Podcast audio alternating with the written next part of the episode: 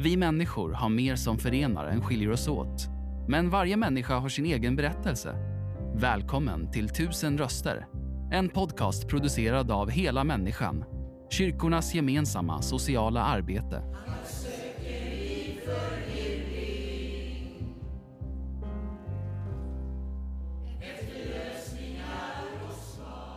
Ja, då är vi hos Hela Människans verksamhet här i Malmö. Och jag träffar Maria Dina Brown eh, som är 33 år. Hon har ett barn och eh, det barnet är tre månader. Hon är gift och kommer ursprungligen från Trelleborg men bor här i Malmö. Och du är mammaledig just nu. Ja. Hur känns det då? Jo men det känns fantastiskt. Ja. Det känns fantastiskt att ha fått ett liv. Mm. Ja, en liten son var det va? Ja, en sån. ja. Så det är ditt första barn. Ja, precis. Mm. Men, eh, och vi är nu i Betaniakyrkan och det är ju en av huvudmännen inom Hela Människan i Malmö. eh, Som bland annat driver den här Öppen kyrka. Och ni kom Ja. ju hit idag. Ja, precis. Mm. Så att det var ju lite spontant träffade dig. Mm. Eh, Och, eh, och nu sitter vi här i podden. Ja. Ja. Och du har ju jobbat med lite allt möjligt. Transportör på sjukhus, kört sådana här sjukhussängar lite här och där. Ja. Eller till patientrum då antar jag. ja. ja, från och till Från patient. och till.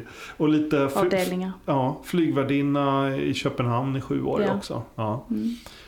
Ehm, men du började ju röka på och dricka lite i tonåren där. Ja.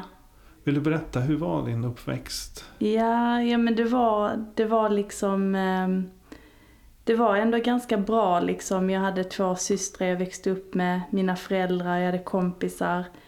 Men det var... Det kändes som att jag eh, ville hela tiden att någonting skulle hända, något nytt liksom. Och så var det många liksom av mina kompisar då i tonåren som drack alkohol. Och eh, då blev det att jag också drack alkohol. Men jag gillade aldrig riktigt det, men ändå så gjorde man det i, jag tror det var brist på annat. Var det brist på annat. och lite grupptryck och så? Ja, ja men absolut grupptryck liksom. De flesta gjorde det, det kändes coolt kanske. Och sen så kanske ens föräldrar gjorde det så man trodde det var en normal grej i livet tror jag. Var det, var det mycket drickande i din familj då? Liksom bland föräldrar och deras vänner och så? Alltså inte så mycket, alltså hela tiden men när man gick på fest så var det liksom så här att de skulle dricka alkohol så man tänkte att det var någon typ toppen av livet lite. Lite, Att det var- ja. Det var något festligt, någonting man typ kryddade till livet med. Det Ja. roliga. Ja. Kändes, kände jag. Det var så jag uppfattade det när ja. jag var liten. Men du provade på hasch också och sånt? Eller marijuana? Eh, jag testade att röka på när jag var i tonåren. För att eh, jag fattade inte riktigt vad det var. Men jag blev liksom helt snurrig när jag rökte. Och eh, ja, då testade jag bara på det i, i tonåren för jag kände liksom ingen som höll på med det så. Men sen var det ju när jag flyttade till Barcelona utomlands. Då blev jag introducerad för det igen på Mm. nytt. Och det var där 2010 någon gång. Och du Ja, hade lite, levde lite psykisk ohälsa också. Ja, men jag, jag ville liksom, det var ju någonting som, jag ville hitta någonting. Eh, jag kommer ihåg att en sa till mig som jag, det blev att man festade ibland för att man ville ha kul. Det var typ hobbyn. Och så kommer jag ihåg att det var en kille som sa till mig så här, eh, ja men vad är du ute efter egentligen? Du, det känns som du hela tiden söker någonting. Och då sa jag bara helt eh, automatiskt att men jag vill bli hel. Alltså jag kände att det var någonting som fattades. Eh, men ja. Kan du tänka idag vad var det som fattades? Alltså ja, jag kan, jag kan känna det idag för att nu så förstår jag. Alltså jag, jag blev inte liksom tillfredsställd till 100% så jag upplevde frid kan man säga. Eh, som jag har känt nu att man bara får från Gud. Mm. Mm. När hittade du till Gud då? Liksom hur gammal var du då? Du är Eh, 33 idag. Ja, alltså det var, det var någon gång där vid eh, två år sedan ungefär. Och då, då hade jag bestämt mig för att jag ville sluta jobba som flygvärdinna. Och jag ville ta tag i mitt liv. Jag tänkte jag skulle gå till en psykolog eh, och liksom så här reda ut allting typ. Men var du inne i något missbruk då? Liksom? Alltså jag försökte sluta på egen hand men det, det, var, det är ganska starkt. Alltså när man har tagit droger så är det precis som att jag gillar inte det men ändå så hamnar jag med sådana människor som gjorde det och det var deras typ eh, topp. Men hur klarar man det? Jag tänker flygvärdinnan, man testas lite då och då för yeah. sånt där. Men, men hur, hur lyckades du liksom klara dig undan det då? Nej men alltså när jag jobbade som flygvärdinna så, så tog jag liksom, jag tog aldrig någonting alltså så men det var ju liksom ibland när man var ledig och man åkte på semester och jag är väldigt självkritisk. Så även om det kanske är någon gång då och då så kändes det, jag fick ändå så mycket ångest över bara en gång att festa, dricka, eh, typ vara utomlands och röka på eller ta någon drog liksom. Det var, det var bara, äh, det var, det, jag, jag hade jättemycket ångest. Vissa kunde fortsätta kändes det som men jag bara kände att nej, men det var någonting inom mig som bara, det här, det här känns så fel. Jag vaknade upp med så mycket ångest. Och det är jag mm. ändå tacksam för, för att det fick mig på en annan, ett annat håll. Men jag mm. sökte först, eller det kom en kille till mig, eh, då när jag liksom skulle sluta som flygvärdinna för två år sedan ungefär. Och han var väldigt spirituell. Han höll på mycket med sån new age. Eh, och jag kände inuti mig att nej men det här är inte rätt. Men, men ändå tyckte jag det var spännande och han sa att det här är typ meningen, det här är vad du ska göra. Och det var då jag mötte Gud.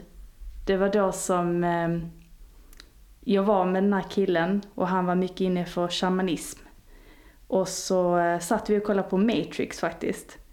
Och när vi sitter och kollar på Matrix så finns det lite budskap där från Bibeln. Men eh, då, då hade jag ett sånt mäktigt möte med Gud. Och jag visste att det var Gud för jag kände liksom hela min kropp att jag bara Alltså det var bara, det var bara jag och Gud och det var bara Det bara blev, det blev liksom frid, det var liksom så här sinnestillståndet var bara helt fantastiskt. Alltså det var som att nu när jag pratar om det igen så känner jag det igen. Men då var det mycket starkare och då kändes det som att, som att vara i himlen. Alltså jag kan bara jämföra det med att himmelriket faktiskt, att det, det är på riktigt kan jag, kan jag säga för att det jag kände det var Ja det var helt, det var helt liksom fantastiskt. Och, eh, men då hade jag ett möte och grejen är den att jag sökte inte riktigt eh, Gud utan jag sökte bara någonting som kunde ge mig eh, något svar tror jag. Men jag sökte väldigt mycket. Och då var jag inne i den här new age-grejen med den här killen då, kollade jag på den här eh, Matrix-filmen. Och då känns det som, ja men jag har hört en låt med Sebastian Staxet som heter eh, Jag vill ge dig allt. Och då sjunger han så här eh, När jag förtjänade som sämst, eh, då omfamnade du mig Jesus. Och det var det jag verkligen kände att jag kom så långt bort ifrån allt. Jag, jag var helt splittrad. Men, men Jesus kom ändå bara, och sen så bara kände jag att jag, jag måste gå till kyrkan typ. Och jag, hade sådana tarotkort och där var ett kort på Jesus. Så jag bara satt och kollade på det hela tiden. Jag bara, det är något speciellt med det här kortet. Och han bara, nej men jag vill inte prata om det. Och så började jag googla upp en kyrka och då kom jag hit till Betania. Mm. Och då hamnade du rätt liksom? Ja, då kände jag att då kom jag hit och så träffade jag en som jag kände sedan tonåren faktiskt. Som också hade blivit så kallat frälst. Och liksom hade fått ett nytt liv. Och han hade också kommit bort från liksom så här dåliga vänner och alkohol och så. Och hittat Jesus. Fantastiskt. Så, mm. De här, ehm, eh, alltså du sa, du levde i något lite ganska tomt eh, liv. Yeah. Där det var festande och mm. egentligen ingenting annat. Mm. Vad, vad tänker du, vad skulle kunna ha förändrat det här? Fanns det någonting i samhället alltså, som skulle kunna ha gjort att du inte hamnade i det här? Mm. Ja, alltså... Okej, det, var, det var ju liksom värst i Barcelona. Mm. Ehm, men om vi tänker på Sverige, liksom när jag kom hem till Sverige. Alltså det är ju, jag tänker mycket gemenskap. Alltså att man, att man träffar andra människor, att man... Eh, ja men den här liksom gemenskapen som finns här i kyrkan, den är jag jättetacksam för.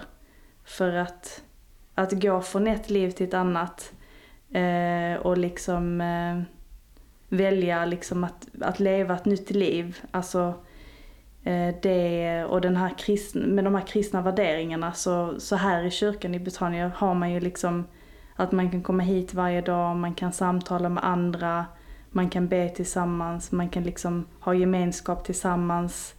Ja men prata, det, det är viktigt liksom så att prata om hur man mår. För där är den andra gemenskapen jag hade innan. Där kunde jag säga så här, "Nej, men jag mår inte bra av detta. Men det var liksom ingen så riktigt som ville dra sig ur. Utan det var mer så här, ja men Mm. nej, det, det är typ vad det är liksom. Ja. Men familj och så, eller föräldrar och var det några som du kunde prata med och så? Ehm, nej, inte riktigt. Alltså det Mm. här med droger och det här med Alltså drickandet är kanske okej i min familj och liksom i samhället så. Men just det här med droger, det är lite så skamligt. Och det är inget som mina föräldrar tycker är okej. Eller min familj överhuvudtaget. Och därför kände jag kanske inte att jag kunde öppna mig för dem. Så jag tycker det är lättare här typ i kyrkan med dem jag öppnar mig med. Det är de som själv har levt ett liv där de, någonting har hänt dem. Alltså viktigt att man träffar någon som kan förstå en liksom, som Mm. har varit med om någonting liknande. Har du kunnat prata med dem nu? Min familj? Ja. Eh, inte just om detta faktiskt, inte så mycket. Det känns som, det blir mycket så här, ja men hur är det? Jo men det är bra, det är bra. Men eh, nej det har inte varit så djupt. Men, men sen, jag tror, jag tror ju på bönens kraft. Eh, och liksom, alltså jag, jag, mitt möte med Gud är liksom helt personligt liksom. Det är inte som alla andra som möter Jesus. Men, men min faster, Eh, min biologiska faster, hon har ju bett för mig. Och jag har inte träffat henne förrän nu när jag blev frälst. Eh, och då sa hon, jag har bett för din frälsning i 30 år. Så för mig var det väldigt starkt. Jag har känt liksom att, men jag har sett det här att även om jag liksom, eh, nej men jag har mått jättedåligt alltså och under den tiden jag tog droger, jag ville bara hitta liksom, jag tror någon som brydde sig. Och liksom fylla det här att jag ville ha gemenskap, äkta gemenskap. Där man kan prata om sina problem och Men Ja. i, i de, den gemenskapen du hade i Barcelona, då var det mer gemenskapen runt drogen då? Ja, ja det blev lite så. Det blev den som, när man tar droger så blir den starkare än det liksom genuina, tycker jag. Mm. Vad jag Och upplevt det som. det var så att ehm, du, hade en, du levde i en destruktiv relation där också? Det var innan Barcelona. Var innan då, hade Barcelona. Jag, då hade jag en relation på fyra och ett halvt år. Ja, och den var destruktiv, ja. Hur var, hur var den liksom destruktiv? Alltså, nej men det var ju... Han var, han var väldigt aggressiv och han var svartsjuk. Och jag hade inte varit så innan faktiskt. Alltså svartsjuk och så, men han var väldigt svartsjuk och han eh, ville gärna att jag skulle vara muslim, för han var muslim. Och eh, jag blev nästan lite muslim liksom, för jag tänkte, det pratades om Gud, jag hade liksom inte hört om det innan. När jag växte upp så fick jag typ höra såhär, men Jesus är bara en saga, det är inte på riktigt och Gud är typ, men de som tror på Gud är svaga människor typ. Ja. Det var det som lite ekade i mitt huvud. Så när jag fick höra av någon att de levde liksom för Gud, då var det lite nytt och så spännande för mig. Men, men det var mycket våldsamt i den relationen liksom. Han kunde liksom så här slå till mig, jag kunde slå till honom och... Nej men det var inte, det var inte alls bra liksom. Mm. Men jag ville ändå inte ge upp. Jag tänkte att det skulle bli bättre. Men det blev inte det. Så vi, jag, jag, jag gjorde slut efter fyra och ett halvt år. Ja. Och så Mm. flyttade jag till Barcelona. Och då var jag helt trasig liksom. För jag kände, ah shit jag fixar ingenting typ. Så då, då liksom, Var det din mörkaste period? Det här? ehm, nej faktiskt inte. Alltså det, har blivit, det blev ännu mörkare sen när jag kom tillbaka till Sverige. Vad hände då? Ja men då, nu när jag tänker på det, det känns som man har haft ett annat liv. Det känns inte som mig. Men, men då eh, kom jag tillbaka till Sverige och så bara, åh shit vad ska jag göra? Ska jag skaffa ett jobb? Jag hade pluggat flygvärdinna, sökte olika jobb, fick jobb som flygvärdinna. Men innan dess så hade jag an, annan relation. Och ja, men en relation, det var liksom jag, jag var aldrig bra på det här med relationer. Jag hade väldigt svårt att vara med en kille. Eh, jag trodde hela tiden att jag typ skulle vara tillsammans med en tjej. Eh, jag, hade, jag hade fått in någonting där jag inte litade på killar liksom. För att det våldet jag hade varit med om och det var... Jag, jag tyckte inte om killar liksom. Så det var väldigt destruktivt och sen kändes det som att den svartsjukan som jag fick uppleva i första relationen, den var tillbaka. Och plus, alltså jag hade blivit svartsjuk och, och sen var det liksom lite så här Ja men lite missbruk inne i den relationen också liksom kille som rökte på och, och jag bara såhär, nej men jag vill inte ha det i mitt liv men sen så Det kändes typ som att det fanns en förbannelse på min på mig kanske och att jag drogs till eh, den typen av destruktivitet. Mm. Mm. Men hur tog du dig ur då? Liksom för idag sitter du ju här, du har ett barn och Ja, liksom har en framtid. Och ja precis. gift, gift sen tre år va? Eller, Ja. ja. Nej, nej, inte tre år. Alltså vi gifte Nej oss. förlåt, augusti. Jag tror förra året, Ja. ja. Mm. Just det. Nej men alltså det var, det var det här mötet med Gud. Det känns som det mötet med Gud.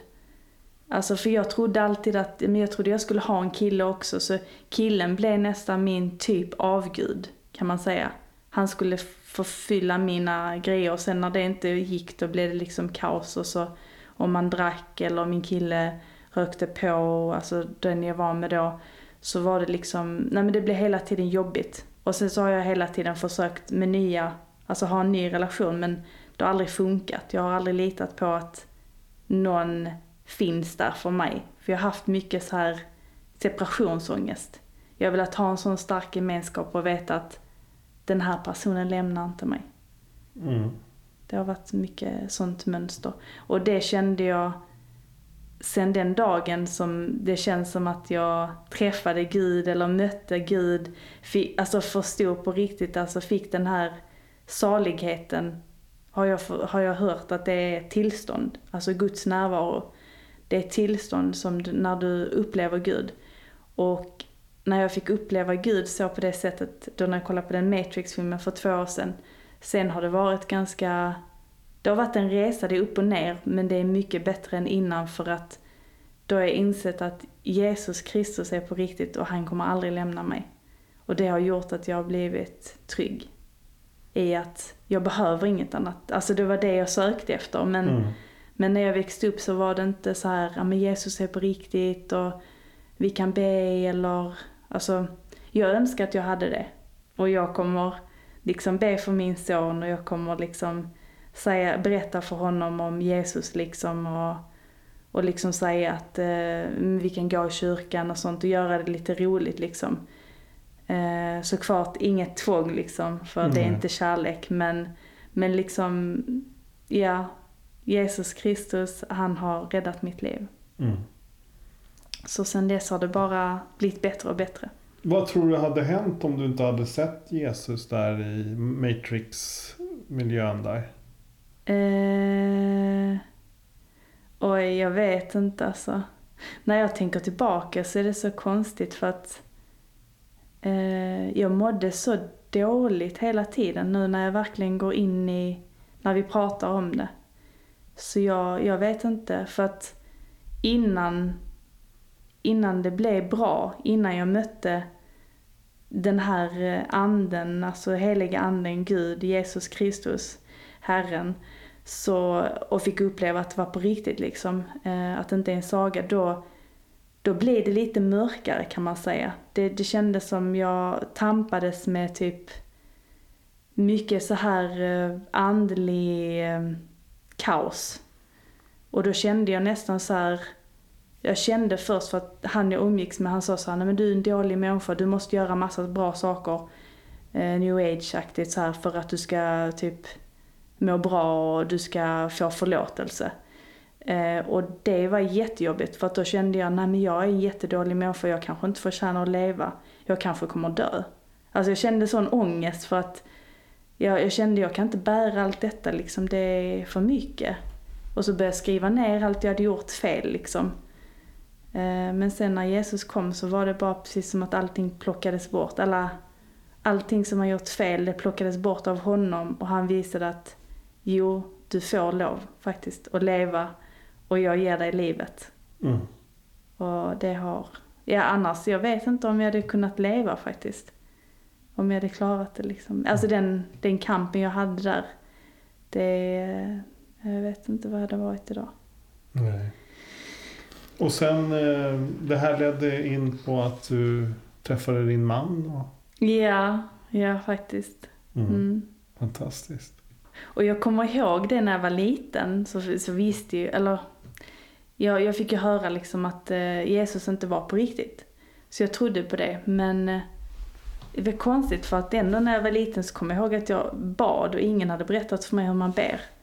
Men jag Nej. bad till Gud när jag var liten och liksom sa att jag gärna ville liksom uppleva kärleken och ha familj och att bara att någon skulle rädda mig. Men jag förstod inte riktigt vad jag sa själv och då fick jag liksom en eh, uppenbarelse. Alltså det var, någon, det var en dröm jag fick. Det var någon som kom på molnen. Någon som red. Och det, det står ju i Bibeln att Jesus ska komma i molnen på en ridande häst. Hur gammal var du då? Där. Jag tror jag var cirka fem. mm. Och sen hade jag också en dröm faktiskt. Om min man, där jag träffade min man och han, och han var min broder. Och det har jag, jag, jag, jag har faktiskt kommit tillbaka till den drömmen. Och då hade jag umgått med min man i ett tag liksom. Alltså vi träffades i en kyrka. Eh, och jag hade umgåtts med han eh, ett tag och så kom jag tillbaka till den drömmen och tänkte Wow, jag har ju drömt om den här killen. Så det kändes verkligen som att Gud förde oss samman. Mm. Mm. Och ni är liksom stöttar varandra. Och, Ja. ja, Mm. fantastiskt. Jag tänker att eh, det måste ändå ha funnits eh, en del, även om det var mycket i Barcelona så, här, så var det Mm. mycket i Sverige. Eh, där samhället, kommunen och sånt kanske borde ha sett eller din situation. Mm. Hur känner du där själv runt omkring det? Jag vet inte riktigt, alltså man måste själv ju vilja. Så jag tror att allting, eh, allting sker som det ska liksom. Men, men jag önskar alltså i Sverige att människor ska kunna gå till kyrkan mer liksom. Och att man, att man liksom kan få mer rådgivning där. Och, alltså även om man inte är troende, även om man liksom bara vill liksom ha gemenskap eller ta en fika eller Mm. kunna prata om någonting. Att vi liksom omfamnar varandra och pratar med varandra och Det hjälper här varandra. öppen kyrka som, eh, Mm. som vi sågs på. Ja. Vad, vad betyder det för människor tänker du? För dig och din man och för andra som kommer hit? Mm.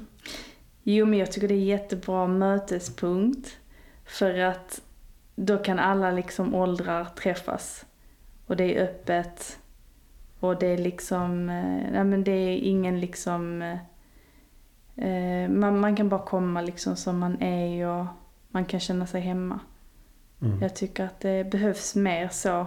För även om du sa det här med samhället, alltså att gå till typ, nu tänker jag socialen Mm. eller gå typ på andra ställen, det, det kan man också göra. Det kan också vara hjälp. Men, men för mig, jag har aldrig riktigt litat på de systemen eller psykolog. För att jag ser det som att i kyrkan, där har de liksom ett annat sätt att se på det för där kan man ta Gud, Gud som hjälp och där är ingenting hopplöst. Men ibland så när man går till socialen, det beror på vem man träffar också såklart. Men i mina fall så har det varit så att psykologer eller terapeuter eller kanske socialen och sånt. Eh, de kanske ser det som att, nej men okej, detta är på grund av det. De försöker alltid hitta en mening medans i kyrkan så kan jag prata med någon här och då kan de säga att, nej men vi ber över det och det är inte kört. Alltså det är aldrig kört för att det står ju i Bibeln att för Gud är allting möjligt. Så man kan alltid hitta en ny väg. Och det tycker jag är fint. Och det tror jag att många behöver Mm. höra. Och det tror jag många behöver Någon som, uppleva. någon som uh, kanske hör den här uh, din berättelse Mm. och känner att jag skulle vilja gå in på öppen kyrka eller någon annan eh, hela människan, en ideell eh, organisation. Vad skulle du vilja säga till dem?